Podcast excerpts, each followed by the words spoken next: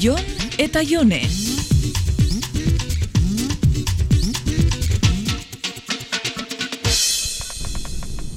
Haupa, Jone, pal dakizu zehoze? Ez, ambulatorixora deitzu dut, baina berandu hau deitzeko esan deste. Bale, egon lasai. Lasai, nau. Goixian ziar kafe bat hartzeko aukerarik? Kla.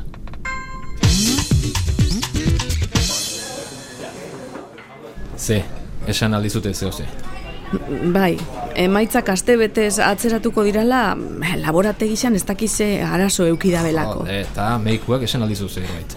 Egiz esan medikua oso tipo atzegina da, esan desta ez kezkatzeko, sintomak ikusitza ez dakala larrixa izateko itxurarik. Ikusten, venga, oporretako uniformea prestatzen hasi beharko dugu orduan, eh?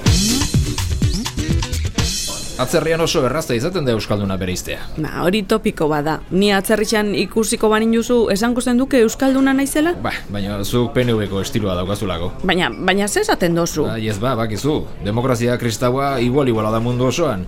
Bea, pintza galtzak, alkandora sosok eta piko jertxeak mutu hilentzat.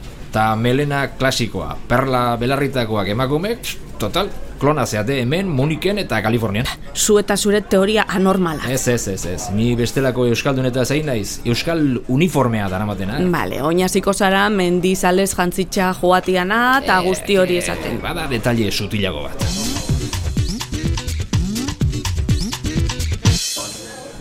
Gainera, detalle horre bi Euskaldun azpi genero bereizten ditu. En naiz azalpen honetaz librauko, ez da? Bez, bera, poltsa txikia edo riñonera. Zer? Poltsa txikia edo riñonera. Eskutuan porruak erretzen hasi zarala argi dau. Ez batzea segula fijatu.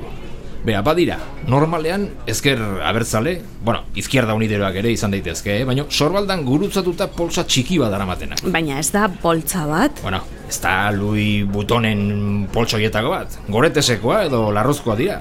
Marikonera modukoa, baina lokarri dutenak, eh? Txiki txikiak. Argazki kamara eramateko modukoak izaten dira. Mm, Bai, bueno, batzuk ikusi ditut. Habe, baina zertako eramaten dute poltsa erridikul hori. Ba, eh? uste dut, ba, giltzak, tabakua, Bai, eta, eta... droga eramateko, baina joder, poltsa eramaten hasita, ea zehose dezenteagoa ez, handiagoa, fundamentuzkoa. Eta riñoneria? Bueno, gaur egun ez dira hainbeste ikusten, eh? Garai batean askozaz ere gehiago, baina nik uste, adinerekin, riñonera zale asko, poltsatxo erridikulo horretara pasadala. Badaoz, bebai, riñonera moderno horrek, aurrian eroatzian eruan biharrian, ba, albo batera eruaten dira zenak. ja, baina horiek modernetiagoa dira. Pelukeruen zorruak dirurixe. Hmm, baina onda hippiagoa da hori, eh? Baina bai, azpi espezie hori ere onartzen dugu salkapenean.